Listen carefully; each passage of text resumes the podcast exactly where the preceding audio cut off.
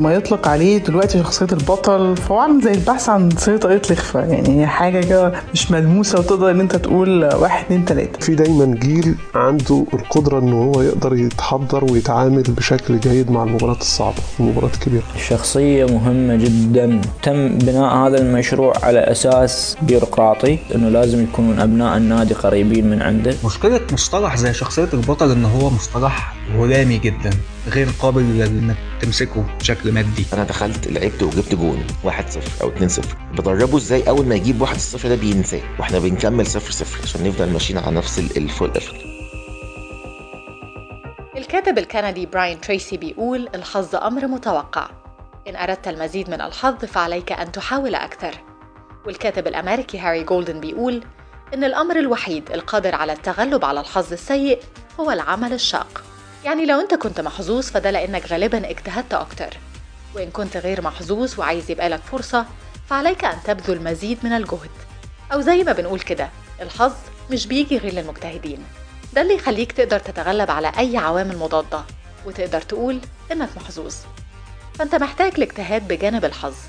والدافع اللي بيخليك تقدر تجتهد هو بشكل رئيسي الرغبة في تحقيق الانتصار. الكاتب الأمريكي روي بانت بيقول إن لم تتخلى عن شيء تؤمن به بشدة فسوف تجد الطريق وده اللي بيلخص مفهوم عقلية الانتصار أو شخصية البطل مستمعينا أهلا وسهلا بيكم في حلقة جديدة من 365 بودكاست أنا ياسمين القفاص وحلقة النهاردة هتكون عن شخصية البطل هل شخصية البطل ده شيء حقيقي؟ يعني هل فعلا في فرق بتكسب ماتشات أو بطولات عشان عندها شخصية البطل؟ ولا ده مبرر بيبرر بيه مشجعين الفريق ده سوء أدائهم في محاولة لإيجاد مبرر حقيقي للفوز غير الحظ؟ ده اللي هنتكلم عنه في حلقة النهاردة. خلونا الأول نبدأ بإننا نحاول نفهم المعنى الحرفي لكلمة شخصية البطل. المفهوم ده طلع بشكل رئيسي على ريال مدريد. في محاولة لتفسير ما لا يمكن تفسيره. الفريق يبقى خسران ويرجع في النتيجة في مباراة. عادي. برشلونة عملها قبل كده بشكل عظيم وتعرفنا على مصطلح ريمونتادا.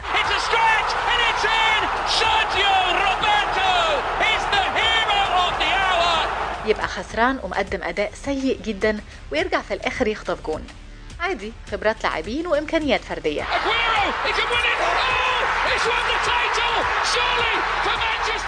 يحصل ده قدام أكتر من فريق كبير وبينتهي بسوء حظ شديد بيعاند المنافس في مباراة نهائي.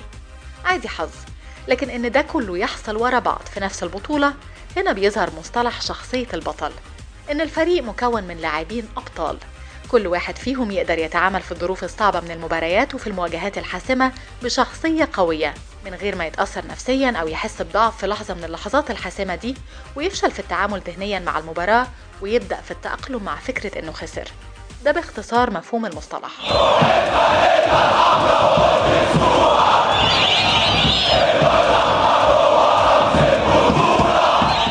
روح الفانيلا الحمراء. ده مفهوم ظهر في مصر على النادي الأهلي اللي اتقال إن أي 11 لاعب هيلبسوا تي شيرت النادي الأهلي هينزلوا يكسبوا بروح الفانيلا الحمراء. كان في فيديو شهير زمان لمجموعة من الناشئين بيعيطوا بحرقة عشان خسروا بطولة. وبسؤالهم عن ده قالوا إنهم متعودين يكسبوا البطولات مع الأهلي. عمرنا ما عمرنا عمرنا في حياتنا ما- خسرنا دورة. إحنا زعلانين وصعبان علينا النادي الأهلي. النادي الأهلي ادينا كل حاجة لكن إحنا قصرنا في حق. أي حد بيدخل المنظمة بياخد من الروح دي وبيبدأ يتعامل مع كل مباراة إنها نهائي في حد ذاته ودايما عنده رغبة في الفوز بيها لأن لاعب النادي الأهلي لازم دايما يكون عنده شخصية البطل. نرجع لريال مدريد ونتكلم بالتحديد عن نسخة 2021 2022 اللي ريال مدريد مش بس كان متراجع وفاز مرة أو اتنين لأ ده طول مشواره عمل كده هنتكلم عن ده وبعدين هنشوف الرأي المضاد اللي بيقول إن شخصية البطل كانت فين في السنين اللي ريال مدريد مش بيكسب فيها The champions fall. The champions are humiliated as Real Madrid are knocked off their Champions League perch. It won't be the famous name of Ajax Amsterdam into the quarterfinal. أي لاعب بيبقى عنده دوافع في المباراة؟ لاعبين بيبقى عندهم دوافع إنهم يقدموا مباراة كويسة ولاعبين تانيين بيبقى عندهم دوافع إرضاء الجماهير. لاعبين بتبقى دوافعهم خلصت فعلا لأن هدفهم هو الحصول على المال اللي خدوه فمش بيبقى فارق معاهم تقديم أفضل أداء في كل المباريات. في بعض اللاعبين بيبقى عندهم دوافع لتقديم أفضل شيء قدام أندية معينة أو على ملاعب معينة. سواء للانتقام أو رد الاعتبار أو لإظهار إمكانياتهم وعرضها على أندية معينة في ريال مدريد اللاعبين دوافعهم دايما هي الفوز أنا لازم أكسب عشان ده المطلوب مني ومفيش حاجة مطلوبة أو هتبقى مقبولة غير المكسب ليه ده الوضع في ريال مدريد؟ وإزاي اللاعبين الجدد بيتأقلموا على ده؟ ده السؤال اللي هتوجه بيه للمحللة الرياضية منار سرحان. بخصوص موضوع دوافع مدريد أو ما يطلق عليه دلوقتي شخصية البطل فهو عامل زي البحث عن سر طريقه الإخفاء يعني حاجة كده مش ملموسة وتقدر إن أنت تقول واحد اتنين تلاتة. بس بنقول إن في حاجات هي سبب فيها. يعني نبدأ الأول إن جمهور مدريد طول عمره متطلب. ودي كانت شكوى لعيبة كتير قوي لعيبة كتير جت في ريال مدريد وما قدروش يستحملوا الضغط بتاع الجمهور والإعلام.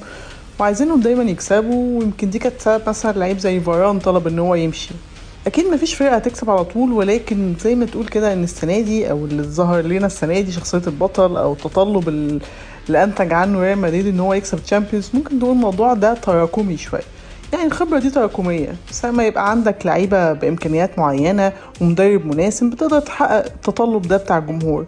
طبعا أكيد في لعيبة كتير مشيت زي راموس وكريستيانو وحتى زيدان وفاران. يمكن نقول من حظ ريال مدريد شوية السنة دي ودي بس مش حظ في الملعب لأ حظنا السنة دي إن في لعيبة من جيل ثلاثية ال Champions زي مثلا بنزيما كانوا عايزين يثبتوا نفسهم جدا يعني كانوا عايزين يثبتوا إن هم وجودهم أو نجاحهم ما كانش مطاب بلعيب معين أو بفترة معينة. وأعتقد إن بنزيما السنة دي عملها بشكل مثالي جدا وكان كابتن فوق التوقعات. وبرضه واحد زي مودريتش بيقدم مستويات لا غنى عنها في الفرقة. وتركيبة الخبرة دي كانت سبب أو مفتاح أساسي إن اللعيبة الصغيرة كمان تتأقلم وخصوصا السنة دي الكباتن الموجودين حاليا في الفرقة. أنا من رأيي إن هما من أفضل الكباتن اللي عدوا على ريال مدريد وحقيقي الموضوع ده مش هيتحس إلا قدام شوية خصوصا الكباتن دي كلها أسبان يعني الكباتن دي مش أسبان واللعيبة الصغيرين في الفرقة كلهم تقريبا مش أسبان آه وده كان سبب إن هما يخليهم يستوعبوا مشاكلهم واحتياجاتهم وإن هما يخليهم يتأقلموا أسرع يعني ده من وجهة نظري كان باين جدا في لعيبة زي مثلا ألابا رغم ان هو مش صغير دخل في الفرقة ككابتن فرقة قدر إن هو يستوعب زي كامافينجا بنزيما رغم ان هو الناس كانت بتقول إن هو شديد على فينيسيوس لكن أدينا شفناه قد إيه هما الاثنين تفاهم كبير جدا. واحد زي رودريجو بيقول لمودريتش padre عشان باباه من سن مودريتش. فحقيقي في كباتن الفرقه في ريال مدريد السنة دي من أحسن الكباتن اللي مروا على ريال مدريد ومع الوقت هنعرف أو هيتحسوا يعني. ريال مدريد قدر يعمل ده كل مرة في 2022 قدام باريس سان جيرمان وتشيلسي ومانشستر سيتي ولحد ليفربول. إيه كان متكرر في كل مباراة الموسم ده؟ السيناريو بتاع السنة دي في ال Champions حقيقي كان غير متوقع تماما. يعني لغاية النهارده انت لما بنتفرج على الماتشات أو نعيدها فهو سيناريو خيالي ومش طبيعي إن هو يحصل. بس أنا من رأيي إن ماتش باريس سان جيرمان هو اللي عمل ال momentum أو اللي هي قوة الدفع أو الزخم اللي ريال مدريد قدر إن هو يكسب بيه البطولة دي. يعني أنا أعتقد إن ريال مدريد لو كان كسب باريس سان جيرمان 1-0 ولا بجون بلنتي ولا بطريقة يعني عادية ما فيهاش ريمونتادا والسيناريو الغريب اللي حصل ده بقية البطولة ما كانتش هتمشي بنفس السيناريو يعني. ده أعتقد. حتى مودريتش كان قايل لاصحابه إن هو لو كسبوا ماتش باريس هياخدوا Champions طبعا مش بقول إن مودريتش يعني اللي بيقول هيحصل بس أنا بتكلم إن ماتش باريس لأن ريال مدريد كان داخله إن هو محدش كان متوقع إن ريال مدريد هيكسب وإن هو مش المرشح تماما. وخصوصا بعد اللغط اللي حصل في القرعة طلعت ردود فعل غريبة شوية إن ريال مدريد بره الترشحات خالص. وأعتقد إن دي كانت باينة جدا في ردود الفعل اللعيبة في الملعب وإن السنة دي اللعيبة كانت عايزة تثبت نفسها إن هم إزاي يعني أنتوا بترشحوناش رغم اللي إحنا حققناه طول السنين اللي فاتت. مرة كمان أنا هرجع لفكرة البرنابيو برضه. يعني السنة دي أي مشجع لريال مدريد متابع شوية ومتابع جيد للبرنابيو عارف إن البرنابيو كان كان السنة دي غريب فعلا من بعد عودتهم من جائحة كورونا وغياب الجماهير. السنة دي كان الجمهور فعلا قوي جدا. يعني في لقطة كده تلخص الموسم بالنسبة لجمهور برنابيو بعد ماتش في ماتش السيتي لما محرز أحرز جون السيتي وبقى فرق جونين. أعتقد آه، جمهور مدريد قام وقف ساعتها يشجع كأن الفريق مثلا محتاج جون ولا ولا إن الفريق مثلا متعادل ومحتاج ان هو يكسب. فاللقطة دي كانت ملفتة جدا وكانت نهايتها عودة أسطورية في لقطة يعني سينمائية جدا يعني واللي هي طلع بيها الفريق للنهائي. طيب لو اتكلمنا عن الخبرات المتراكمة عن لاعبين كتير في ريال مدريد قدروا ينقلوها للاعبين الأقل سنا أو خبرة. لاعب زي ناتشو كان من اللاعبين اللي ارتكبوا أخطاء كتير قدام تشيلسي. مثلا هل ده بيتعارض مع مبدأ أن المنافسة على البطولات والفوز بيها لفترة طويلة هو اللي بيدي اللاعبين أفضلية مع الوقت في التعامل مع الأوقات الصعبة؟ ناتشو في نادي بقاله أكتر من 15 سنة. يعني ناشئين ناشئين من أول هو طفل فريق الكاستيا فريق رديف بعد كده فريق الأول. هو متصعد وهو طول فترته في النادي هو بديل طوارئ وبيأدي الدور ده ك يعني كبديل هو أنت مش هينفع تجيب سوبر نجم سوبر تقعده على الدكة آه، عشر سنين ويستحملك. فهو ناتشو هو بديل طوارئ. تخيل كده أنت بتعمل عادة بقالك عشر سنين. هو ناتشو مثلا بقاله عشر سنين بيعمل عادة معينة بقاله عشر سنين. هتعملها إزاي بعد عشر سنين؟ هتعملها كأنك بتشرب مية. ده حال ناتشو. يعني ده ناتشو. هو مش أحسن لاعب ومش لعيب السوبر لكن عاش مع الفرقة دي تقلبات ومواقف كتير قوي تخلي عنده الخبرة الكافية إن هو يستحمل الضغط دوت وإن هو يستحمل لعيبة كتير في لعيبة كتير أحسن من ناتشو. ما قدرتش تستحمل الضغط ده ولا تتعامل معاه. يعني في ماتش باريس مثلا لما دخل فينا آه، جون مبابي في ماتش العودة ناتشو كان بيشجع فيها بيقول لهم لسه بدري ونهدى. ويلا. هو ده مش ناتشو يعني كان طالع كده لا هو ناتشو شاف اللي قبله بيعمل كده وشاف اللي, قبليه الكبار بيعملوا كده فهو طلع بقى يعمل زيهم. والموضوع زي ما تقول إيه بيتوارث يعني. وهتلاقي بعد كده لعيبه صغيرة موجودة دلوقتي لما تشوف ريال مدريد لعيبة زي مثلا رودريجو وفينيسيوس حتى كامافينجا السنة دي لسه جاي. لما بيعيشوا الاجواء دي الموضوع بيبدا يبدأ تكون تراكمية بتبقى عادة عندك إن أنت تكسب وان أنت لسه بدري وإن الوقت لسه طويل وإن يعني ما تستسلمش بسهولة. طبعا كمان السنة دي برضه ناتشو لو بنتكلم إن هو في ماتش إشبيليا في الدوري كان جايب جول مهم جدا. الماتش ده يمكن أنا شايف إن الماتش اللي هو حسم الدوري ريال مدريد السنة دي فهو رغم مستواه كمتوسط كلاعب لكن هو أنا شايف إن هو جزء بقى يعني أصبح إن هو مهم جدا في أوضة اللبس في ريال مدريد ويحتاج وقت يعني عشان إن هم يطلعوه فجأة كده. لا هتبقى صعبة خصوصا إن أنت الكباتن عمالة تقل عندك في الفرقة واحدة واحدة. الموضوع مش بس شخصية عند لاعبي ريال مدريد أو خبرات متراكمة إنهم بيكسبوا في البطولة دي لكن كمان بيبقى خبرات متراكمة عند الخصوم إنهم بيواجهوا ريال مدريد اللي يقدر يرجع في أي وقت أو إن هم نفسهم بيفشلوا في البطولة دي. هناخد مانشستر سيتي وباريس سان جيرمان كمثال. مانشستر سيتي دايما بيفشل في التتويج بالبطولة وقعد فترة طويلة مش بيوصل لنص النهائي. ولما قدر يتخطى نص النهائي ووصل للنهائي خسر قدام تشيلسي. فلما لعيبة مانشستر سيتي اللي بتحسم ماتشات كتير من غير ما تحتاج تلعب لبعد الدقيقة 90 واللي في نفس الوقت ما عندهمش خبرة كبيرة في الفوز في المباريات الحاسمة بعد الدقيقة 90 لما اللاعبين دول بيواجهوا فريق مكون من لاعبين معتادين إنهم يقلبوا الخسارة لفوز بعد الوقت الأصلي ساعتها بنرجع للخبرات المتراكمة من الجانبين أو بنرجع لمفهوم شخصية البطل.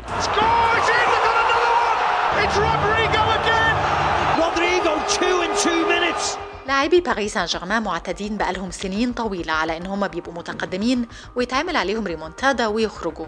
من بداية المشروع في 2012 وكل سنة ده بيحصل. آخر عشر سنين منهم 8 مرات بيتقدموا ويتعمل عليهم ريمونتادا ويخسروا ومرة واحدة خسروا رايح جاي من غير ما يتقدموا. عشر سنين متتالية من الخوف من الفشل اللي بيؤدي إلى الفشل. الفريق اتعود تماما على فكرة إنه هيكون متقدم ورغم كده بيخسر.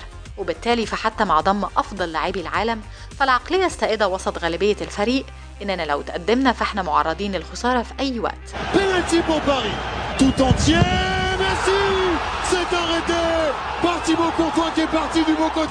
رغم إن مش ده اللي بيحصل في الدوري فليه الفريق بيحصل معاه ده بالسلب في دوري الأبطال وبالإيجاب في الدوري المحلي؟ هل الاعتياد على الفوز في فرنسا والخسارة في أوروبا بينتج عنه ده؟ ولا المفروض إن الفريق معتاد على عقلية معينة في أي مباراة وأمام أي منافس؟ وده السؤال اللي هتوجه بيه للصحفي الرياضي أحمد أباظة. قصص فشل باريس سان جيرمان في دوري أبطال أوروبا قصص متكررة ونمط شبه ثابت كل موسم. ولكن خلينا نتفق في البداية إن آه الفوز بدوري أبطال أوروبا طبعا إنجاز كبير جدا. ولكن استخدامه طول الوقت كمقياس للحكم على مدى نجاح أو فشل التجربة أو ربط مشاريع وتجارب عموما. لما نيجي نقيمها من حيث النجاح أو الفشل بكونها حققت لقب Champions League ولا لأ؟ أنا شايف إن دي مش الطريقة الأدق للحكم عليها لأن في النهاية هي بطولة آه قوية جدا بتضم صفوة الفرق الأوروبية ما زال متنازع لحد النهارده على مدى أهميتها مقارنة بكأس العالم. يعني في ناس بتعتبرها أهم بطولة في العالم حتى أهم من كأس العالم للمنتخبات اللي هو يفترض إن هو قمة الهرم الكروي. ولكن في النهاية هي تظل بطولة إقصائية. ممكن مش بس يعني مش مش بالضرورة يكون خطأ انت ارتكبته يتسبب في انك تخسر البطولة لا ممكن مجرد ظروف ماتش ممكن مجرد سيناريو خارج عن إرادتك ممكن حتى خطأ تحكيمي أي ظرف معين من من الظروف اللي بتتحكم في المباريات ممكن تنهي مسيرة ناجحة جدا في البطولة دي وساعتها تلحقك اتهامات الفشل رغم إنك فعلا ما كنتش فاشل أو حتى على على الأقل ما كنتش ماشي على طريق الفشل. لكن مسألة باريس سان جيرمان ليها بعد تاني مختلف شوية عن ابعاد الظروف أو أو المجريات بتاعة المباريات نفسها. اولا باريس سان جيرمان هو مثال على سوء التخطيط أو أحيانا انعدامه. مشروع باريس سان جيرمان من ساعة ما ابتدى وهو بيتبع نهج واحد وثابت اللي هو أنا بستهدف إن أنا الفريق يبقى قوي أنا بستهدف إن الفريق يبقى فيه نجوم كتير جدا. مش مهم بقى النجوم دي هتعمل إيه مع بعض مش مهم بقى المدرب اللي موجود ده هيوظفها إزاي مش كل دي عناصر بتبان إن هي تعتبر ثانوية جدا في مشروع باريس سان جيرمان فبالتالي كل مرحلة أو كل فترة كل موسمين ثلاثة بالكتير بيكون في مدرب جديد. بيكون في أفكار جديدة بيكون في لعيبة جديدة بيكون في صفقات مختلفة. بيحاول إن هو يصنع حاجة أقرب لمفهوم ال Galácticos بتاع اللي ادخله ريال مدريد في بداية القرن الحالي بدون أسس على الإطلاق. فالنهايه بتوصل لأن انت عندك دايما طول الوقت مجموعة مش متجانسة بالقدر الكافي مجموعة مش مترابطة بالقدر الكافي حتى في عز صلابه نسخ معينة من فريق باريس سان جيرمان في بعض الأوقات نتيجة إن تضافر بعض العناصر طبعا وتضافر أفكار المدرب. بتصطدم بقى بالمشكلة الثانية اللي هي إنه بيفوز في فرنسا وبيفشل في أوروبا. هو بيفوز في فرنسا لأنه ببساطة شديدة جدا خسارته في فرنسا فضيحة مش مجرد فشل. لما بيخسر الدوري قدام موناكو أو أو ران مؤخرا دي فضيحة. مش مش مجرد حدث عادي أو بتحصل يعني. الفرق والفجوة ما بين squad باريس سان جيرمان وما بين أي منافس تاني جوه فرنسا الفرق مهول. فبالتالي مفيش القدر الكافي من المنافسة ومفيش القدر الكافي من الاحتكاك.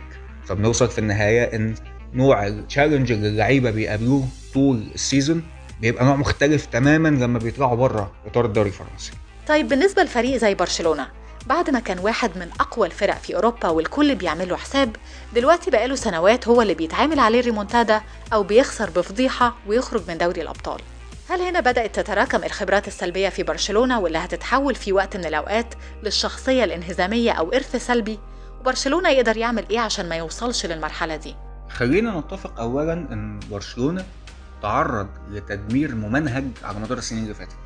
تخريب من الداخل ما أعتقدش إن من السهل إن النادي يصمد بعده بالتزامن مع كارثة عالمية زي جائحة كوفيد 19 على مدار سنين من سوء التخطيط الإداري سوء إدارة الموارد رواتب خرافية أموال طائرة بتدفع في صفقات بدون دراسة حقيقية للقيمة الفنية للعيبة دي مهزلة تعويض نيمار مهزلة محاولة التعاقد مع فيراتي اللي انتهت بالتعاقد مع كوتينيو ثم ديمبلي ثم جريزمان في وجود سواريز. يعني كل الأشياء اللي حصلت في هذا الإطار كانت كوارث يعني بياخدها. في الفترة دي إدارة الرئيس السابق جوزيف ماريا برتومي واحدة من أسوأ الإدارات اللي استلمت فعلا تركة عظيمة جدا وحولتها إلى كون خراب بمجرد رحلها فالوضع بره الملعب اللي طبعا بالضرورة ليه تبعاته اللي بتأثر على داخل الملعب الوضع ده مش من السهل التعافي منه في وقت قصير.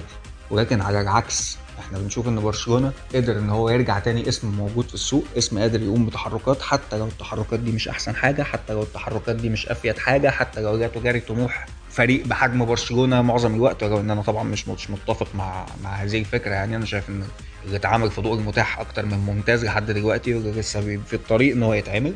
ولكن في النهاية لما نيجي نبص على قصة زي هل هيبقى فيه إرث انهزامي أو إرث سلبي وشخصية انهزامية مع الوقت لفريق برشلونة فخلينا نقول إن الموسم الحالي الموسم اللي هيبدأ دلوقتي ده هيحدد كتير جدا في إجابة السؤال ده. الموسمين اللي فاتوا كانوا أسوأ من السوق طبعا يعني وضيف عليهم تراكمات كارثة أنفيلد كارثة بايرن كل الحاجات دي في الطريق خصوصا إن برشلونة بقى بيلعب في ال Europa League. ال season اللي فات بعد ما خرج من دور المجموعات من دوري الأبطال. فكل دي حاجات طبعا بتأثر سلبا ولكن هل الفريق هيكون الشخصية دي؟ إطلاقا. من الواضح دلوقتي إن ده مش هيحصل. في إصرار معظم الوقت على تثبيت فكرة معينة أو مفهوم معين. حتى لو الواقع لا يعبر عنه دلوقتي عشان الواقع يعبر عنه قدام. يعني لو نراجع مع بعض تصريحات تشافي بشكل مستمر. برشلونة أفضل نادي في العالم نادي مش عارف عامل إزاي اللعيب اللي لازم يجي يلعب هنا لازم يبقى عارف إن هو جاي يلعب فين. وبرضه على نفس النسق كلام الإدارة رغم إن هي طبعا معترفة بمدى صعوبة الوضع الاقتصادي إلا إن في إصرار على دعم نغمة إن ده أكتر من مجرد نادي وإنه النادي الأكبر والنادي الأفضل. كل اللعيبة اللي بتيجي بتقول كلام في نفس الإطار. حتى ليفاندوفسكي مؤخرا كان بيتكلم عن إن آه هو نادي كبير آه واجه ظروف صعبة ولكن هو على الطريق الصحيح للعودة. ففي محاولات مستمرة لترسيخ الموضوع باعتبار إن ما تكرر قد تكرر لترسيخ الفكرة في ذهن الناس إن لأ إحنا لسه برشلونة إحنا لسه هننافس إحنا لسه هنعمل حتى لو الوضع الفني مش جاهز لده وحتى طبعا لو الوضع الاقتصادي بوضوح شديد جدا مش جاهز لده. في الملعب بقى هتكون الإجابة القاطعة على هل الموضوع هي- هيتحول لإرث سلبي وشخصية انهزامية ولا لأ. نتائج الموسم ده على وجه التحديد هتكون عنصر حاسم جدا في تحديد اللي هيحصل على مدار السنين اللي جاية. في تجربة أمريكية شهيرة اسمها تجربة أو نظرية القرود الخمسة. أحد العلماء حط خمس قرود في قفص وعلق فيه موز وتحته سلم. فلما طلع واحد من القرود على السلم عشان ياخد الموز اتفتح عليهم رشاش مية متلجة. وكل ما قرد يحاول يطلع كانت المية بتترش على باقي القرود لحد ما بقى أي قرد يحاول يطلع باقي القرود بيمنعوه عشان خايفين من المية. بعد فترة استبدلوا واحد من القرود بقرد جديد ما عاصرش التجربة. فلما دخل القفص طلع بالفطرة للموز عشان يلاقي باقي القرود بتشده وبتمنعه من الطلوع من غير ما يعرف ليه. وحصل الموقف ده كذا مرة لحد ما اتعود على كده. بعدين استبدلوا قرد تاني قديم من اللي حضروا واقعة رشاش المية بقرد جديد. فلما طلع القرد الجديد على السلم باقي القرود هاجموه يمنعوه بما فيهم القرد اللي ما حضرش الواقعة. واتكررت العملية دي لحد ما تم استبدال كل القرود الخمسة اللي كانوا موجودين في الأول بخمس قرود جديدة ما حضروش واقعة الرشاش. وكلهم بقوا يمنعوا أي قرد من إنه يطلع على السلم عشان ياخد الموز. من غير ما يعرفوا هما بيعملوا كده ليه. ولكن لأنهم اتعودوا على ده. النظرية دي في علم الإدارة بتعلمنا عامة إنك لما بتتحط في أجواء معينة وسط مجموعة معينة من البشر فتلقائيا هتطبع بطباعهم وخاصة لو قعدت فترة طويلة من الزمن. طبق النظرية دي على المستويين. سواء على جانب ريال مدريد أو باريس سان جيرمان هتلاقيها حقيقية.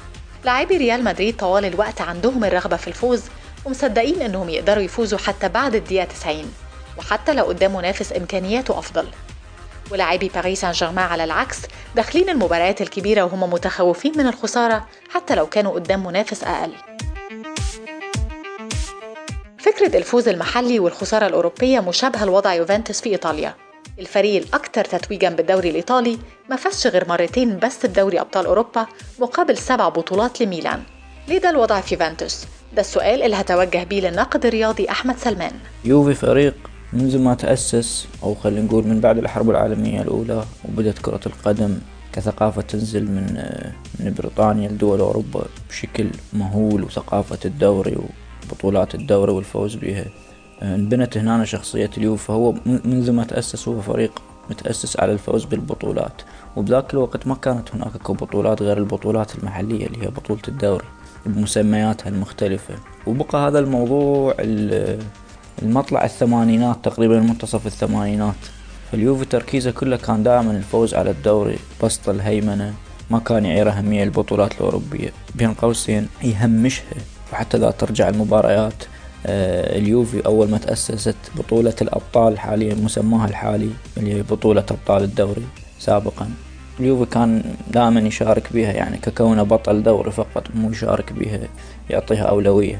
ميلان وضعه يختلف. ميلان عنده تاريخ يعني تاريخ العادي مثل ما يقول قبل برلسكوني وتاريخ ميلان هذا ال big ميلان اللي اللي بعد برلسكوني بعد شراء برلسكوني للنادي. برلسكوني لما اشترى النادي كانت البطولات الأوروبية داخلة بقوة للساحة وأصبحت الأندية تبحث عن نيل المجد بالف... عن طريق الفوز بالبطولات الأوروبية وأساسا برلسكوني من اشترى ميلان.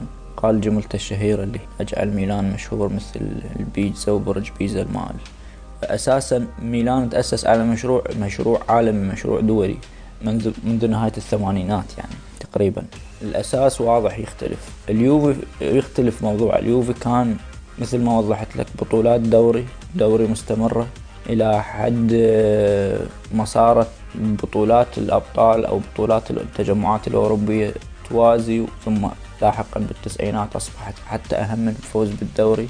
اليوفي هنا صعب بعد يرجع يرجع التاريخ فهذا كله نتاج تهميش هاي البطولات. ولما راد يرجع ويسوي له تاريخ بهاي البطولات اصطدم بأندية صايرة صروح وصايرة تاريخ اللي ماخذ أربعة Champions واللي ماخذ ثلاثة كأس اتحاد وغيره. فواجه هاي المشكلة. لكن هو هل من الفرق الأوروبية؟ نعم هو من الفرق الأوروبية اللي متواجدة. أكثر فريق إيطالي يشارك بالأبطال. وصوله للنهائي الوحيد هو بايرن ميونخ اليوفي اللي واصل نهائي كل عقد من آخر خم من آخر خمسين سنة. لكن تختلف الثقافة مثل ما بينت لك. البعض بيقول إن فوز يوفنتوس بالبطولات المحلية في إيطاليا سبب المجاملات التحكيمية واللي مش بتحصل مع الفريق في أوروبا. ردك إيه على كده؟ وإن ده مبرر فوز يوفنتوس بالدوري مش شخصية البطل. المجاملات التحكيمية ويوفنتوس هذا موضوع حجة لمن لا لا يملك حجة. تاريخ الدوري الإيطالي أول ما تطلع على صفحاته من البداية أول صفحتين واضح بمعنى اليوفي ومعنى قوة اليوفي وسطوة اليوفي شنو. اليوفي تأسس على أساس أنه يكون هو بطل إيطاليا وأقوى نادي بإيطاليا. بالذات بعد 1923 بعد ما استحوذت عليه عائلة أنيلي. آه، لأن كان بوقتها الثقافة السائدة بإيطاليا. كل عائلة تحاول تبسط نفوذها عن نادي عن طريق عفوا نادي معين. واليوفي كان هو الذراع العالة أنيلي اللي بسط قوتها أو, أو مثل ما يقولون يذكرها كاتب آه، بيبي سيفرنيني. أحد آه، نقاد الاجتماعيين الإيطاليين. توجه شراء العائلات الأندية كرة القدم هو كان توجه برجوازي بحت لاستبيان قوة هاي العائلة عن طريق بسط نفوذها بالنادي وإيضاح أنه هذا النادي قوته من إيضاح قوة العائلة نفسها. فاليوفي أساسا مصمم الفريق أنه يكون بطل فلا تحكيم ولا واليوفي بطل يعني تلاحظ سجل الأبطال أقرب منافسين ميلان وأنتر هو فايز بطولات دوري ضعف. حتى الدليل إنه الموضوع التحكيم حجج واهية ويستفاد منها اليوفي مثل ما يستفاد منها أي فريق ثاني سواء أنتر ميلان لاتسيو روما والبقية. إنه اليوفي أكثر نادي أخذ يعني أكثر نادي فاز بالبطولة وأكثر نادي آه، حمل لقب الوصيف. 21 مرة وصيف اليوفي. فلما تجمع بطولة الدوري الإيطالي السيريا اي اللي تأسست من 1900 هذا المسمى السيريا اي من 1929 لحد الآن تقريبا 97 أقل من 100 موسم يعني آه، عفوا 93 موسم كذا. تلقى اليوفي ب 57 موسم بين وصيف بين بطل. فما أعتقد يعني بعد التحكيم راح يكون له آه، يد ب 57 موسم مثلا. ولا لو كان له يد كان مال يوفي أكثر نادي كان وصيف كان فاز بأغلبها. نرجع لفكرة شخصية البطل. الفريق كان متراجع نفسيا بعد الهبوط لسيري بي لحد ما كونتي قدر يزرع الشخصية القوية في لاعبي الفريق. وبعد كده مع ألاجري بقى في إيمان عند مشجعي الفريق إنهم حتى لو بعيد في الدوري فيقدروا يرجعوا ويفوزوا باللقب. إيه المختلف في لاعبي يوفنتوس عن باقي لاعبي الدوري الإيطالي عشان يبقى يوفنتوس المرشح الأول للفوز بالدوري حتى لو ما عندوش أفضل العناصر؟ بعد الهبوط ونكسة ال Serie B والكالتشوبولي قررت بقى النادي آه، عايش في فضاء إداري. إداريين كلهم موظفين عائلة ثانية اللي بعيدة عن النادي ماكو شخص آه، من عائلة ثانية اللي يقود النادي. تم القرار ب 2009 2010 باجتماع مجلس إدارة إكزور ويوفنتوس على توجيه شخص من عائلة آنيلي وكان أندريا آنيلي. على أساسها تقرر بناء مشروع يوفنتوس الحديث أو المعاصر هذا الحالي. تم بناء هذا المشروع على أساس بيروقراطي على أساس أنه لازم يكونون أبناء النادي قريبين من عنده. تم الاختيار بالبداية طبعا على دلنيري بسبب إدارة اليوفي تشكلت عن طريق إدارات سامبادوريا اللي هم ماروتو وباراتيتشي وكان دلنيري هو اللي مدرب مشروع ماروتو وباراتيتشي بسامبادوريا. فتم استقطاب دلنيري لكن بعد فشل مباشرة تدخلت العائلة ورادت الحصول على شخص من أبناء النادي. آه، شخص عنده الشخصية ليس فقط موضوع آه، تدريب ولاعبين. يعني اليوفي كان يملك نجوم يملك لاعبين. بقيمة آه، لاعبين الإيطاليين أمثال بوفون ودلبيرو لكن مشكلته كان يفقد فقد الشخصية بسبب السنوات هاي اللي تدهور بيها. وبعد ذلك وقع الاختيار على كونتي. وكونتي كان فعلا رجل المرحلة وصعد باليوفي. وتزامن هذا الموضوع مع ضعف أنتر بداية انهيار مشروع أنتر موراتي. أيضا آه، تدهور ومشاكل آه، إدارة غالياني وبرلسكوني بميلان. صعد اليوفي واقتنص الفرصة ووصل طبعا بسبب قوته وليس فقط ضعف المنافسين واستمر بعدها الدورة الثانية من كونتي أليجري اللي أضاف فوق السطوة المحلية أضاف يوفنتوس هذا الأوروبي اللي يواجه كبار أوروبا بكل مرونة ويحرج أكبر فريق ممكن بما فيهم حتى أبطال النسخ. بعدها توجه اليوفي صار فريق دخل بالحسابات الأوروبية ودخل بكل الحسابات واللاعبين تشبعوا بعقلية كونتي وضاف له عقلية أليجر اللي ضافها اللي هي خلاهم يؤمنون بكل مباراة وكل دقيقة من من آه، من الموسم. وتشبعت هاي اللاعبين بهاي العقلية لكن اليوفي حاليا يحتاج إعادة ريتشارج للفريق إعادة شحن حتى ينطلق من جديد.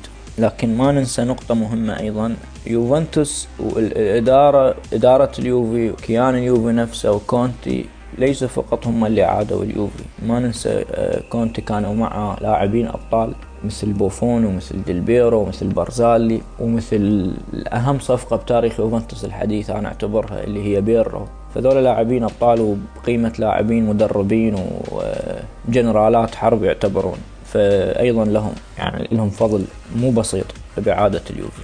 ميلان قدر إنه يكسب الدوري السنة دي بعد منافسة مع إنتر. واحد من أهم الأسباب زي ما قال المدير الفني ستيفانو بيولي كان زلاتان إبراهيموفيتش. شايف ده إزاي؟ وإزاي لاعب واحد ممكن يكون إضافة للفريق؟ وهل لاعب واحد هيكون كافي عشان الفريق يبقى عنده شخصية البطل؟ الشخصية مهمة جدا ومثل ما وضحت الميلان أيضا كذلك. ميلان يملك بعض ال- ال- الجودة باللاعبين. لاعبين شباب عندهم عنفوان الشباب. مدرب شاب طموح يريد يثبت ال- ال- كل الأندية اللي اعتبرته هو تجربة فاشلة ب- بتاريخها أنه هو مدرب موجود وعنده أفكار. وبيولي مدرب آه، عشاق ال- ال- ال- الكالتشو عشاق السيريا. يعرفون بيولي مدرب مجتهد. لكن بيولي دائما تجاربه كانت آه، آه، يتحمل بها الأندية اللي دربها أكثر ما هو يتحمل فشلها. يوصل دائما بظروف صعبة. كانت هاي ال- الزيجة آه، مناسبة جدا مع ميلان. البيئة الهادئة اللي تريد فقط توصل تشارك بالأبطال بدون عنجهيات الفوز و- وال big ميلان وكذا. ووصول إيبرا إيبرا اللي اللاعب اللي يحبوه الجمهور وهو يحب البيئة ويحب النادي. فكان مثل أشبه بالمربي يعني وصوله بميلان. آه، أضاف لهم الشخصية بغرفة الملابس. بيولي عمل على إنشاء فريق يلعب بمعايير حديثة. وليس فقط كلاسيكية إيطالية. ميلان آه، بالموسم الثاني حتى بعد ما غاب إبرا يعني تقريبا أكثر من نص الموسم ميلان استمر انزرعت به الشخصية خلاص. فالشخصية مثل ما بوقت من الأوقات احتاجها اليوفي عن طريق كونتي وبوفون وديلبيرو والبقية وبيرلو. حال احتاجها أيضا آه، أو أو كانت موجودة إنه تكون سبب بميلان هذا الحالي وميلان تحدث عن بطل إيطاليا. لم يعد ميلان مشروع فقط اللي يريد يصعد يتأهل أبطال. حاليا ميلان بطل إيطاليا. بفضل شخصيه ابرا وعمل بيولي واجتهاد بيولي بسبب آه، الاختيار على لاعبين شباب متميزين قادرين على العطاء وقادرين على صنع تاريخهم بنفسهم. Festeggiate come campioni perché Milano non è Milan.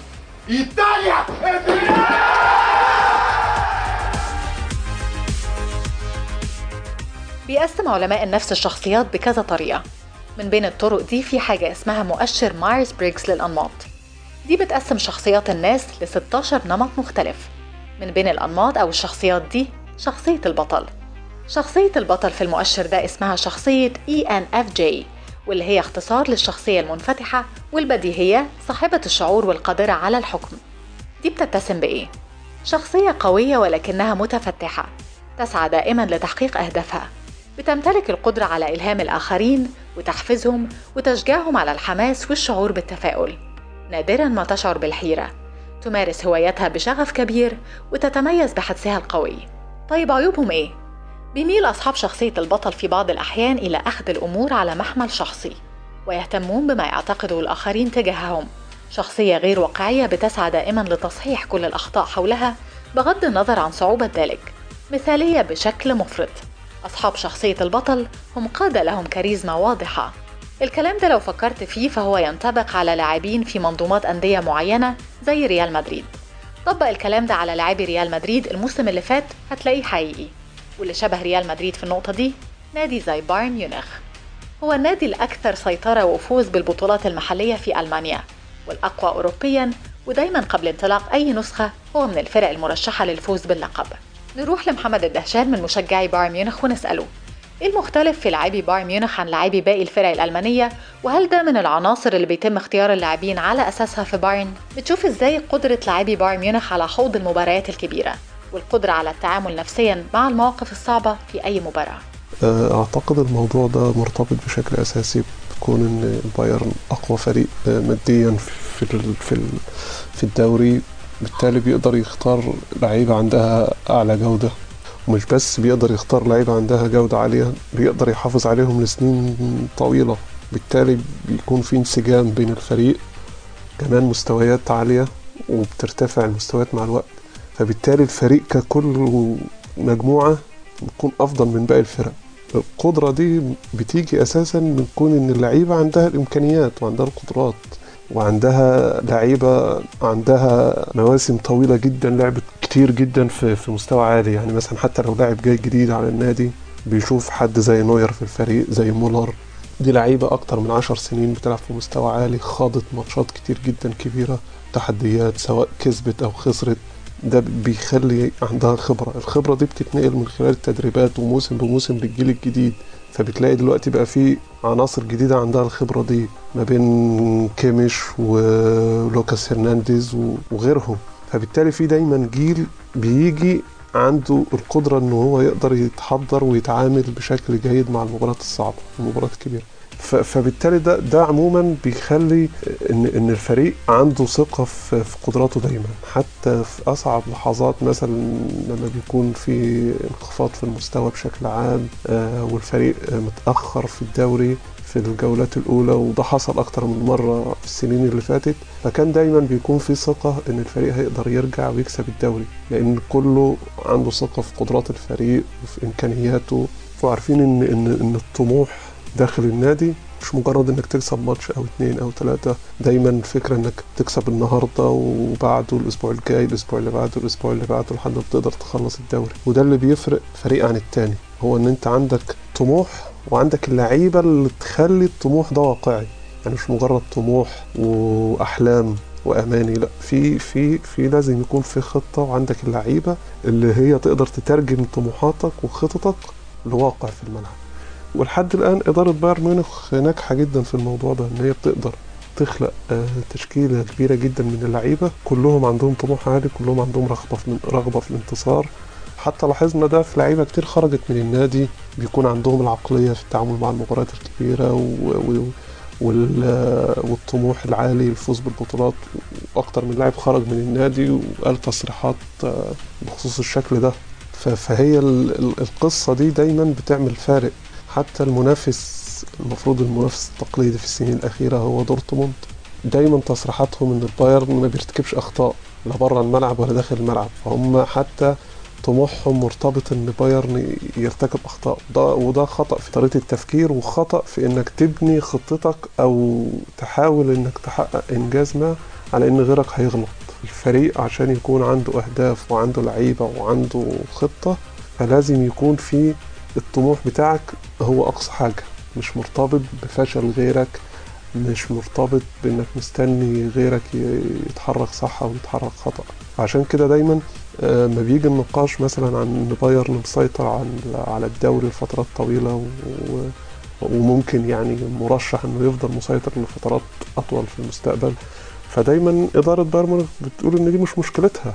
هي هي هي مهمتها إن هي تجمع أفضل لعيبة وتحقق أفضل نتائج للنادي مش مشكلتنا إن إحنا نبص على الآخرين. مهمتنا كإدارة كلعيبة إن إحنا بنركز على النادي بنركز على أهداف النادي بنركز على طبيعة الجو داخل النادي بنركز على الكيمياء الموجودة بين الفريق داخل النادي. دي كلها حاجات بتخلي بايرن ميونخ عنده عنده دايما لعيبة مرتبطة ببعضها مش بس في الملعب خارج الملعب. ده بسبب طريقة التعامل داخل النادي. دايما بنعرف إن بايرن ميونخ عنده تقاليد خاصة في الاحتفالات أو في, التجمعات أو حتى أيام هونس لما كان رئيس النادي كان بي بينظم للعيبة باستمرار حفلات شواء في البيت عنده عشان يخلي اللعيبة تكون متقاربة أكتر. فبايرن بيختار اللعيبة على أساس جودتهم وبيحاول يدمجهم داخل النادي كأنهم أسرة. بحيث إن الترابط ده ينعكس على إن على إن يكون داخل الملعب يكون فيه انسجام ويكون فيه رغبة رغبة إن الفريق ينتصر ما يكونش فيه فردية ما يكونش فيه لاعب مثلا عايز يتألق عشان يخرج أو لاعب بيجي على أساس إنه هيجي يلعب سنة واتنين ويمشي.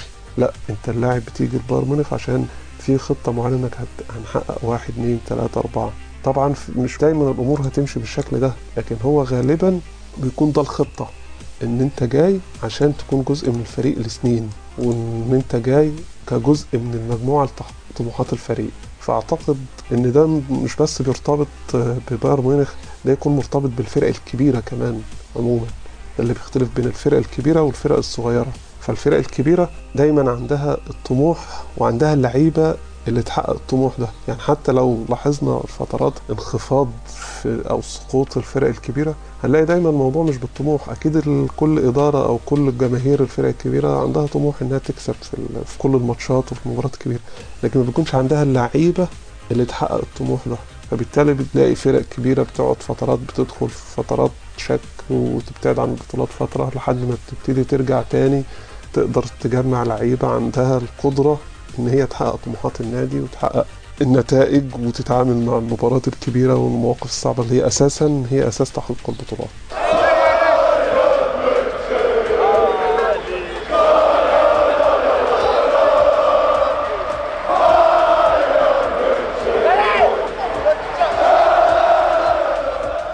تقول الكاتبة الهندية سورانيا سور عقلية الفوز هي عقلية النمو والنجاح. الأمر لا يعتمد على النتيجة ولكن على معتقداتنا. كل شيء بيبدأ في العقل والقصص اللي بنرويها لأنفسنا. يسعى الشخص ذو العقلية الرابحة إلى النمو في كل فرصة. الخطوة التالية هي معرفة كيفية رعاية هذه العقلية بالتخطيط والعمل والعادات الصحيحة. إذا الموضوع مش بس إن عندي خبرات متراكمة سميتها شخصية البطل ومساندة الحظ ولكن هو اجتهاد كمان. فمقولة الحظ لا يأتي إلا للمجتهدين. دي بتعني إنك هتجتهد فهتوصل أكتر من المنافس فهتكون محظوظ أكتر. اللاعب البلجيكي ميشي باتشواي قال قبل كده ما معناه إن حظ أحدهم السيء هو في بعض الأحيان حظ سعيد لشخص آخر. وده اللي نقدر نوصف بيه وضع ريال مدريد في نهائي دوري الأبطال قدام ليفربول!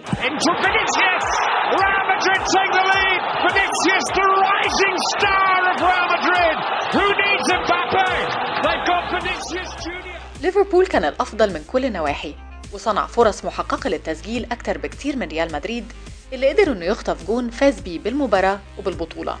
بعيدا عن كون إن عندك حارس مرمى تقيل زي كورتوا ده أمر يحسب ليك كفريق قدرت يكون عندك حارس بالإمكانيات دي. لاعبين زي كورتوا وبنزيما ومودريتش من اللي بيتعاملوا بأريحية مع المباريات اللي الفريق بيكون الأقل فيها أو صاحب الحظوظ الأضعف. ولكن إيه وضع شخصية البطل في مباراة زي دي وضعها مختلف عن مواجهات ريال مدريد لتشيلسي وباريس سان جيرمان والسيتي؟ اللي ريال قدر فيها يتفوق ويبقى أحسن في فترة من فترات المباراة وسجل فيها أهداف العودة. هنا الموضوع نقدر نوصفه بالحظ. منار سرحان هتجاوبنا.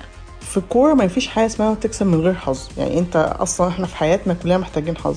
وده أي ماتش إن لاعب يكون في أفضل مستوياته طول الموسم زي كورتوا ويكرر نفس المستوى ده في النهائي ما أعتقدش إن ده حظ. أكيد إن الكورة تخبط في العارضة دي تبقى حظ. لكن مثلا لو أليسون بطريقة ما قدر إن هو يلحق كورة فينيسيوس قبل ما تخش هل كان هيبقى سوء حظ لريال مدريد ولا إن كان هيبقى تألق لأليسون؟ برضو إن سيبايوس يجي يتلخبط في كورة في انفراد هل ده كان هيبقى سوء حظ لريال مدريد ولا ده سوء تصرف أصلا من أليسون من سيبايوس؟ فهي الفكرة كلها إن أنت الحظ مهم جدا في الكورة وفي حياتنا أصلا لكن شايفة إنه مش منطقي تماما إن مشوار كامل في البطولة من أول ما قرعه بقت غلط وجابت ريال مدريد قدام فرق أصعب فرق في البطولة في أصعب مشوار في البطولة وأنت أصلا ريال مدريد تقريبا يعني ال squad بتاعه السنة دي كنت تقريبا ما كانش مرشح لو إحنا واجهناه في squad باريس سان جيرمان المفروض كان يبقى أضعف قدام ليفربول المفروض يبقى أضعف. فكرة إن أنت تجيب القرعة دي وتقول ريال مدريد كان محظوظ بعد الماتشات الصعبة دي كلها طب ما يبقى أنا كده يعني اشمعنى دي يبقى حظ مثلا فريق زي ليفربول ما يبقاش محظوظ إن هو خد فرقه خد squad أسهل؟ فصعب قوي ان إحنا نقول إن مشوار البطولة ده كان حظ. أكيد الحظ مهم في الكورة لكن صعب إن أنا أقول إن البطولة ريال مدريد كسبها بسبب الحظ. منار في الوقت اللي مشجعي ريال مدريد بيتكلموا فيه عن شخصية البطل وقدرة الفريق على تخطي أي موقف صعب المنافسين بيسألوا كانت فين شخصية البطل والفريق بيفشل في الوصول لنص النهائي ما بين 2004 و2010 وخرج من منافسين كتير أقل في المستوى زي ليون وآياكس وغيرهم. كانت فين شخصية البطل قدام فرق زي شريف المولدوفي اللي كسب ريال مدريد في أسبانيا؟ وكانت فين عبر التاريخ لما الفريق فشل في الفوز بأي بطولة دوري أبطال لأكثر من 30 سنة من نص الستينات لأواخر التسعينات. بخصوص السبعينات ممكن نرجع نقول السؤال الحظ إن مفيش فرقة هتكسب من غير توفيق. الحظ يعني رغم إن السيطرة المحلية كانوا اللي هما فيها وكانوا بيكسبوا كل حاجة محلي لكن كانوا بيخرجوا بسيناريوهات غريبة شوية. كانت شبه حاجة شبه السيتي اللي بيحصل في آخر كام سنة. إن هو بيخرجوا ب- زي سيناريو قدام ليون صعب وقدام توتنهام وحتى السيناريو بتاعهم قدام ريال السنة دي كان صعب وكان في سوء حظ برضه في لقطات كتير. منهم مثلا هم يبقى كورة على خط الجون ومش عارفين يدخلوها. فطبعا دي يعني دي ممكن تحصل معاك في ماتش أنت تخسر بطولة بسبب ماتش. لكن أنت تكسب بطولة كاملة ويتقال عليك بسبب الحظ هي دي اللي أنا ضدها شوية. فأعتقد إن الجمهور آه سوري فرقة ريال مدريد في السبعينات ده اللي كان بيحصل معاها ان هي كانت بتخرج بسبب ماتش فيه سوء توفيق وكان بيتكرر معاها كل كام سنة فبتحصل. أما بخصوص الألفينات فالموضوع كان مختلف شوية. في الألفينات إحنا ما كانش عندنا الفريق كان محتاج اللي هو يتصفى ويبني من الأول خصوصا في 2004 ده كان الدنيا كانت صعبة جدا وكان الفريق محتاج إن هو يتفرمط آه، ويجدد. وكانت النقطة دي كانت ناقصة الفرقة. وفي 2009 لما بدأنا نجيب لعيبة كبيرة كان لسه محتاجين برضه المدرب اللي هو انت معاك دلوقتي بازل قدامك لكن محتاج اللي هو يرتبه. وأعتقد إن جوزيه مورينهو في وجهة نظري كان هو يعني السبب الأساسي إن هو حط الطوب الأحمر بتاع الفرقة اللي بتكسب لغاية النهارده. مورينهو كان من الأسباب إن هو بدأ يبني الفرقة دي. وحقيقي يعني أنا لو ده راي شخصي أو دي قناعة شخصية إن مورينهو كان أول خطوة في بنى الفرقة اللي بتكسب لغاية النهارده. والنهاردة مدريد عنده عناصر بقالها في الفرقة بقاله عشر سنين في ال squad ده في لعيبة ما اتغيرتش بقالها عشر سنين. طبعا دي ممكن تبقى سلبية في الجانب البدني ولكن خلينا نقول في الجانب الخبرة وجانب التجربة اللي بقالهم عشر سنين بيكسبوا وإن هم بيعملوا حاجة إعجازية خمسة Champions في 8 سنين. خلينا نقول إن دي بعد ما طعمتها بلعيبة صغيرة زي فينيسيوس ورودريجو كامافينجا وفالفيردي قدرت تنتج لنا اللي هو ما يسمى بموسم أو شخصية البطل السنة دي. طبعا مش هقول لك إن لازم يكسبوا كل سنة والسنة الجاية أول ما يخسروا هيقول لك فين بقى شخصية البطل اللي كنت عليها؟ هي الفكرة كلها إن شخصية البطل دي حاجة انتجت لنا اللي هم فريق مش مرشح للبطولة فريق ما كانش أحسن سكواد في الفرق اللي لعبها وفي رغم كده كسبوا. هي دي ملخص شخصية البطل هو قدروا يستخدموا تجاربهم اللي بقالهم 10 سنين بيكسبوا مستوياتهم اللي عصروها اللي بقالهم 8 سنين بتتعصر آه، وإن هم يخلوا ياخدوا منها كمان اللعيبه الصغيره يعني كان في ماتش اللعيبه الصغيره كلها هي اللي في الملعب اعتقد كان ماتش سيتي آه، آخر 10 دقايق في الشوط الإضافي الثاني كان اللعيبه الصغيره كلها في الملعب واللي واقفين على الدكة كروس وكازميرو وبنزيما ومارسيلو واللعيبة الصغيرة كلها في الملعب. كل دي هي دي اللي انتج لنا السنة دي ما يسمى بشخصية البطل. آه، ريال مدريد اللي عمله بقاله 10 سنين ده مش هيبدأ الناس تحسه أو يبدأ يحسوه شوية أو إحنا نحس بعظمته أو إنجازه يعني إلا بعد الوقت آه، ما يعدي شوية ونبدأ نشوف يعني هيكرر إمتى تاني؟ ولغاية لما يكرر بقى تاني أو فرقة تعمله تاني هيفضل يفضل اسم شخصية البطل ده ملحق باسم ريال مدريد لغاية لما يكرر تاني. Real Madrid are the European champions for the 14th time and Liverpool's treble dreams are ended here in Paris. بما إننا بنتكلم عن شخصية البطل وعقلية الانتصار لازم نتوجه بالسؤال لخبير نفسي. إيه اللي بيحصل بالظبط مع لاعبي أندية زي ريال مدريد بيخليهم يقدروا يتعاملوا نفسيا مع الأوقات الصعبة؟ وده السؤال اللي هتوجه بيه للمعد النفسي محمد صفي الدين. أول حاجة هي ال- ال lifestyle أو ال mentality بتاعت اللعيب في أوروبا أو الفكر اللي في أوروبا آه، في ال mental. ال mental آه، هما بيتعاملوا بيه بشكل صح بره لأن إحنا ال mental الصح المفروض بنشتغله من day 1 من أول يوم في ال season فهو إحنا بنخش مع اللاعب أنت طبعا بتتكلم هنا على القدم أنا بتكلم على القدم أو بصفة عامة. ال mental الصح إن إحنا بنشتغل من day 1 مع البرنامج التدريبي زي الأحمال زي الفني زي كل حاجة. فبتبدأ تغير فكر وكل حاجة للاعب جوه التمرين. وبنبدأ ندرب اللاعب آه، لو حصل عصبية نعمل إيه؟ لو كسب نعمل إيه؟ لو خسر نعمل إيه؟ لو في bad luck نعمل إيه؟ بندرب اللعيب على كل حاجة. فده بيخليه يتعامل نفسيا مع في الأوقات الصعبة. بجانب إن إحنا في حاجة مهمة جدا جدا بنشتغل عليها وأكيد في ريال مدريد بيشتغلوا عليها أو في أوروبا بصفة عامة بيشتغلوا عليها لأن أنا ال license بتاعتي من أوروبا والحاجات دي أنا واخدها من أوروبا هي اسمها ال mental ضد المشكلات. يعني إيه؟ يعني إحنا بنتدرب من بدري لما تحصل مشكلة نعمل معاها إيه؟ في اي مشكلة إحنا بنشوفها كجمهور هم already بيكونوا متدربين عليها. لو حصل أي مشكلة لو حصل إصابة لو خسرنا لو الماتش اتأزم أي حاجة بتحصل هم بيكون متخيلين أو أو عارفين هنعمل فيها إيه بالظبط. فده جزء كبير من الإعداد النفسي إن إحنا لما بنعمله للاعب بتبقى أنت عارف من بدري آه، هو هيحل ده إزاي. يعني أنا أنا حتى في شغلي مع اللعيبة بتاعتي اللي اشتغلت معاهم في أي لعبة أنا بعمل mental ضد المشكلات ما بستناش لما نيجي بطولة وتحصل مشكلة ونقول لأ خلاص ده إحنا اتعلمنا من المشكلة دي بقى ونركز في البطولة اللي بعدها. لأ إحنا بنكون حاطين plan وبكون بدرب اللعيب live عملي على مشاكل متوقعين هي ممكن تحصل عشان لو حصلت نعرف نشتغل عليها. في حاجة مهمة قوي قوي إن في نظام و system في أوروبا صارم وإحنا ينقصنا هذا النظام. إن إحنا الناس هنا ماشيين على system حاجة اسمها job description ال job description إن كل واحد في الجهاز الفني ليه وظيفة بيقوم بيها من غير ما يتدخل في في في حاجة مش بتاعته. لكن بننصح بعض في يعني يعني زي مثلا أنا مثلا معد نفسي ما بتدخلش في شغل الأحمال. لكن ممكن أنا ومدرب الأحمال نتكلم مع بعض. لكن مش حتتي إن أنا أتكلم فيها. فكل واحد فيهم بيعمل شغله بالظبط في system وفي نظام. فده بي reflect على اللاعب. فبتلاقي اللاعب نفسه هو في system ماشي عليه هو دوره منفذ بينفذ التعليمات فبيكون عارف يعمل إيه. عشان كده إحنا بنشوف ساعات مواقف في الملعب صعبة جدا بتلاقي اللاعب بيعديها بسهولة. ودي آه، آه، اللي هي بيتعامل نفسيا معاها هو بيكون واخد تعليمات. لو حصل كذا هتعمل كذا. عشان كده إحنا بنشوفها في الملعب لكن بنبقى مش فاهمين ده حصل إزاي بسبب ال job description وهما في نظام. فالنظام وال system بيفرق جدا جدا في الشغل. هل بيفرق اسم النادي اللي انت بتلعب له سواء نادي متوسط أو صغير ان مفيش ضغط بحتمية الفوز؟ أو ان في نادي كبير بيبقى مضغوط عليك من الجماهير أو الاعلام؟ لو هنتكلم في المستوى البروفيشنال أكيد الحاجات دي بتفرق أكيد اسم النادي الكبير بيفرق وأكيد الجمهور بيفرق جدا وكل الكلام ده. بتلاقي اللاعب هو نازل عنده حاجة اسمها العزل. العزل إن هو متدرب يعمل إيه وقت الجمهور؟ يعمل إزاي يعزل نفسه عن الجمهور في وقت معين؟ إزاي يستفاد من الجمهور في وقت معين؟ آه، إزاي يكون نازل ينفذ كل المطلوب منه؟ تاني من خلال حاجة اسمها ال performance أو الأداء إن هو إزاي عنده أداء نازل يعمله. في جمهور مفيش جمهور هو نازل متدرب على كل حاجة ذهنيا.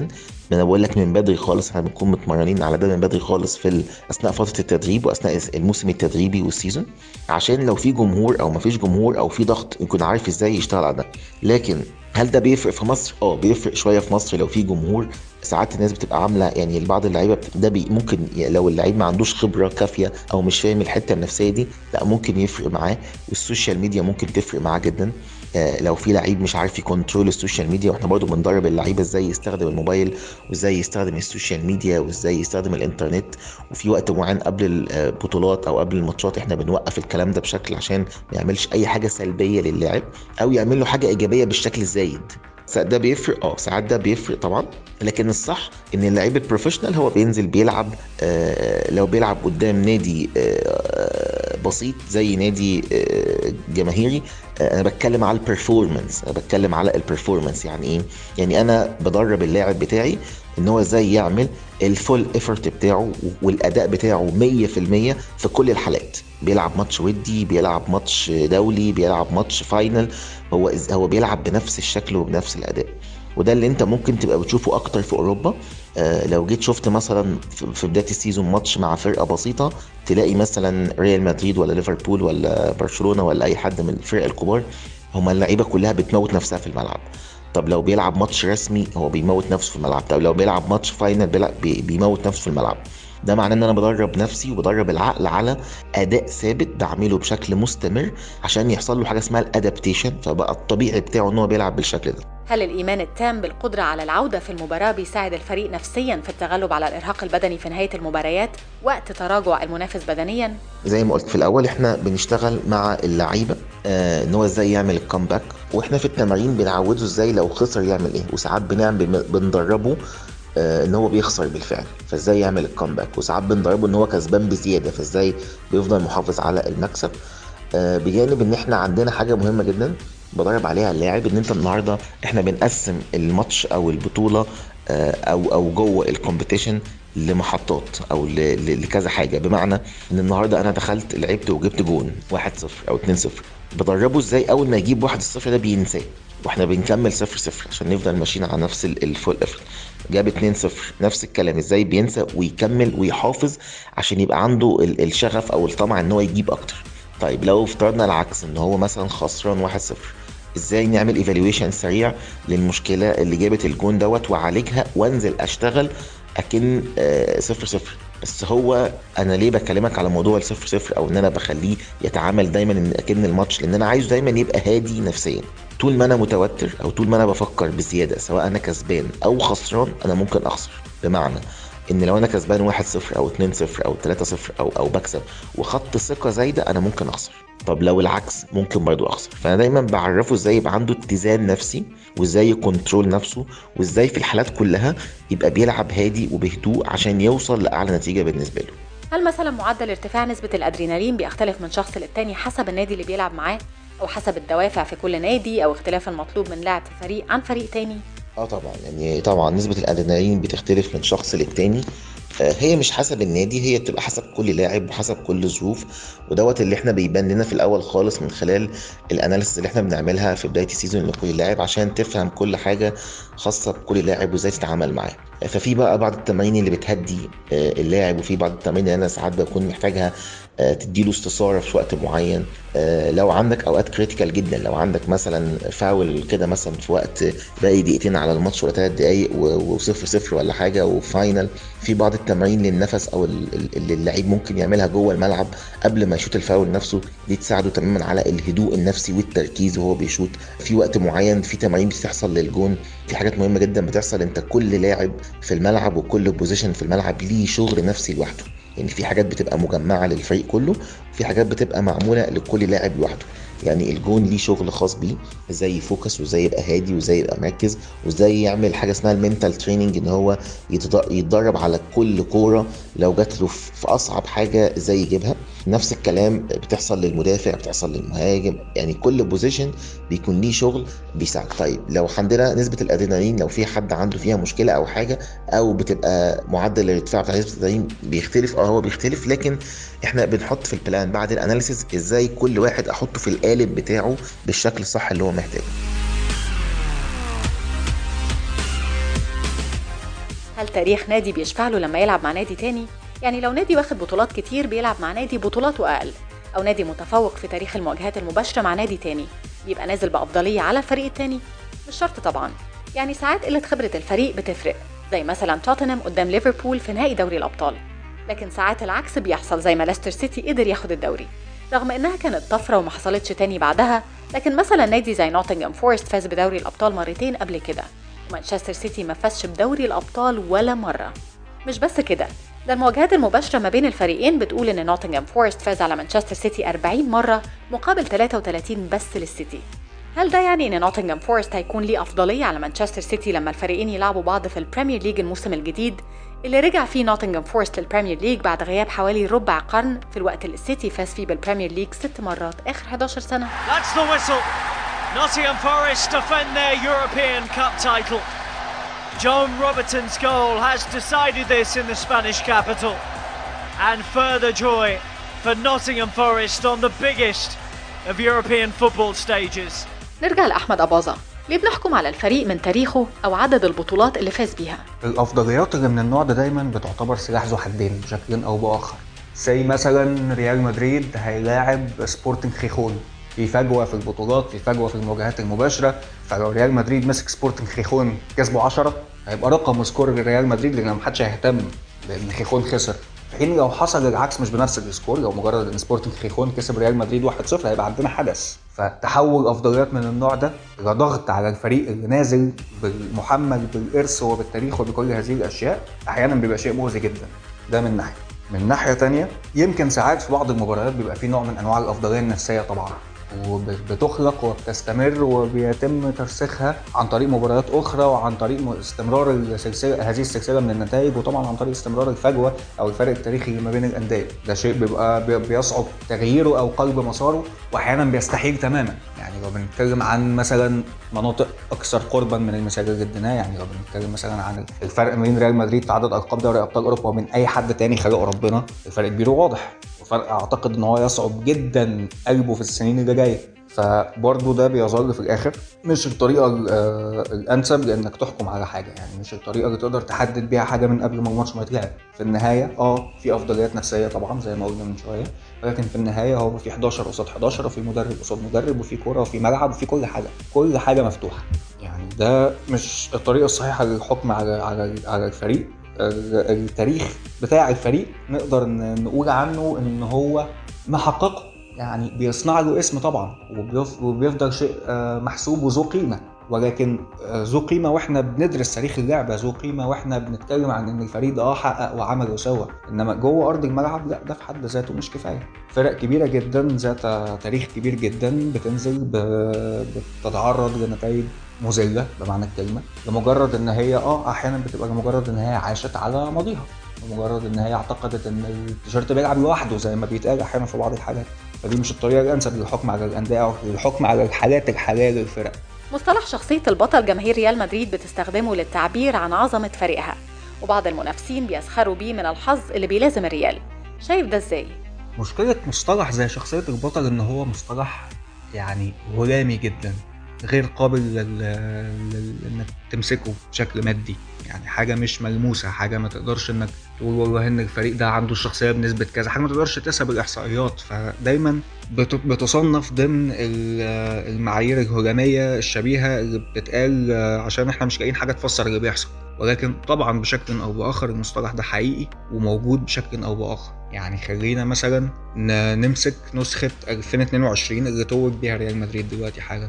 معظم الوقت كان ريال مدريد الطرف الأقل حظا للتأهل. مش بس جوه الماتش لا يعني ده قبل الماتش. قبل الماتش وجوه الماتش ده بيتأكد أكتر طول ما الماتش شغال. ومرة واحدة قلب الدنيا. الموضوع ده اتكرر قدام باريس سان جيرمان قدام مانشستر سيتي. وفي ماتش ليفربول كان فرق الإحصائي مهول جدا. ولكن لو جينا نبص على الحظ اللي لازم ريال مدريد في النسخة دي هنلاقي إن أغلب الحظ ده قائم على إخفاقات المنافسين قدامهم. مسألة يمكن لا يمكن رصدها تكتيكيا. تكتيكيا معظم الأطراف الثانية اللي قابلت ريال مدريد في إقصائيات دوري أبطال أوروبا تفوقت عليه. هيبقى إيه التفسير اللي قدامنا دلوقتي حالا؟ التفسير اللي باقي هو إن بشكل أو بآخر اللعيبة دي كانت مؤمنة بقدرتها على العودة من مواقف شبه مستحيلة زي ما بنزيما قلب الدنيا قدام باريس سان جيرمان وزي ما رودريجو جاب ماتش مانشستر سيتي ورغم إن كل العوامل بتقول إن ده شبه مستحيل إن هو يحصل. في حين إن الأطراف التانية بتبقى متسيدة ومتفوقة ومش قادرة تنهي العمل مش قادرة ت finish اللي هي المفروض تعمله لأن هي ما عندهاش القدر الكافي من الإيمان إن هم إحنا قادرين نعمل كده في ريال مدريد فهنخلص عليه بقى مرة واحدة لا هم ما خلصوش ودفعوا الثمن وعلى مدار حاجات كتير جدا شفناها اللي ما بيخلصش قدام ريال مدريد بالذات دايما بيدفع الثمن هل فقط وجود شخصية البطل يكفي الفريق مع الحظ للتتويج بالبطولات باستمرار؟ للتتويج باستمرار لا طبعا. يعني ده ممكن ينصفك في ماتش ممكن ينصفك في بطولة كاملة زي البطولة دي. بتحصل حتى لكن على المدى الطويل أو بنمط مستمر لا طبعا. يعني خلينا مثلا ناخد 2018 كمثال. 2018 برضو ريال مدريد كان الطرف الأقل في بعض المواجهات. سندته ظروف كتير جدا ويمكن طبعا الناس بتستغرب هو ليه كم يعني حتى كم أخطاء المنافسين ده بيحصل قدام ريال مدريد تحديدا ليه؟ طبعا ده سؤال ملوش إجابة. ولو قعدنا نحاول إن إحنا نجاوبه عمرنا ما هنعرف نجاوبه. فمش هنقدر نوصل لأبعد من التفسير النفسي اللي اتكلمنا عنه. لكن في النهاية شخصية البطل دي نقدر نقول إنها خدمت ريال مدريد بشكل أو بآخر وتوج ببطولة 2018 لما ريال مدريد ما حافظش على اتزانه الفني أو استقراره بشكل أو بآخر حصلت حاجات أربكت الحسبة دي فبقى فالفريق بقى ماسكه مسكوا ثلاث مدربين في نفس الموسم. في النهاية موسم 2018 2019 كانت النتيجة إن شخصية البطل ما نفعتوش في حاجة وخرج قدام آياكس. فاه العوامل قوة الشخصية وقوة اللعيبة ذهنيا ونفسيا عوامل مهمة جدا وعوامل بتنفع وعوامل بتحسم ماتشات صعبة أو أحيانا شبه مستحيلة ولكن الاعتماد عليها كنسق ثابت ونسيان التخطيط الفني والإداري وكل العوامل الأخرى للنجاح في كرة القدم مش هيكفي لوحده أبدا. دايما في الكورة لازم تبقى أقرب قدر الإمكان لدايرة المنطق. بعد كده الحاجات خارج الإطار اللي تقدر تتحكم فيه تقدر تخدمك وتكمل لك. إنما تعتمد عليها لوحدها ده مش هيسعفك في أكتر من موسم موسمين يمكن إنما على المدى المستمر مستحيل. العودة في اللقاء بعد التأخر أمر بيحصل من كل فرق العالم والتسجيل وتعديل النتيجة بعد الدقيقة 90 كل الفرق تقريبا بتقدر تعمله. لكن تكرار ده هو الموضوع. حصوله باستمرار في المواقف الصعبة وفي الأوقات اللي الفريق لازم يرجع فيها هو اللي بيكون شخصية البطل عند الفريق.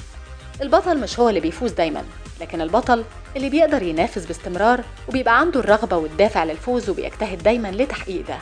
وعلى كل فلو كل فريق عنده شخصية البطل فاز بكل البطولات اللي هو الأفضل فيها عمر ما كان هيبقى في مفاجآت في كرة القدم. متابعينا هنا بنوصل لخط النهاية من حلقة النهاردة شخصية البطل في 365 بودكاست. كنت معاكم ياسمين القفاص وشاركونا بتعليقاتكم على شخصية البطل واقترحوا محتوى الحلقة الجاية يكون عن إيه. ونلحق نقفل الحلقة بقى قبل ما بنزي ما يجيب جون.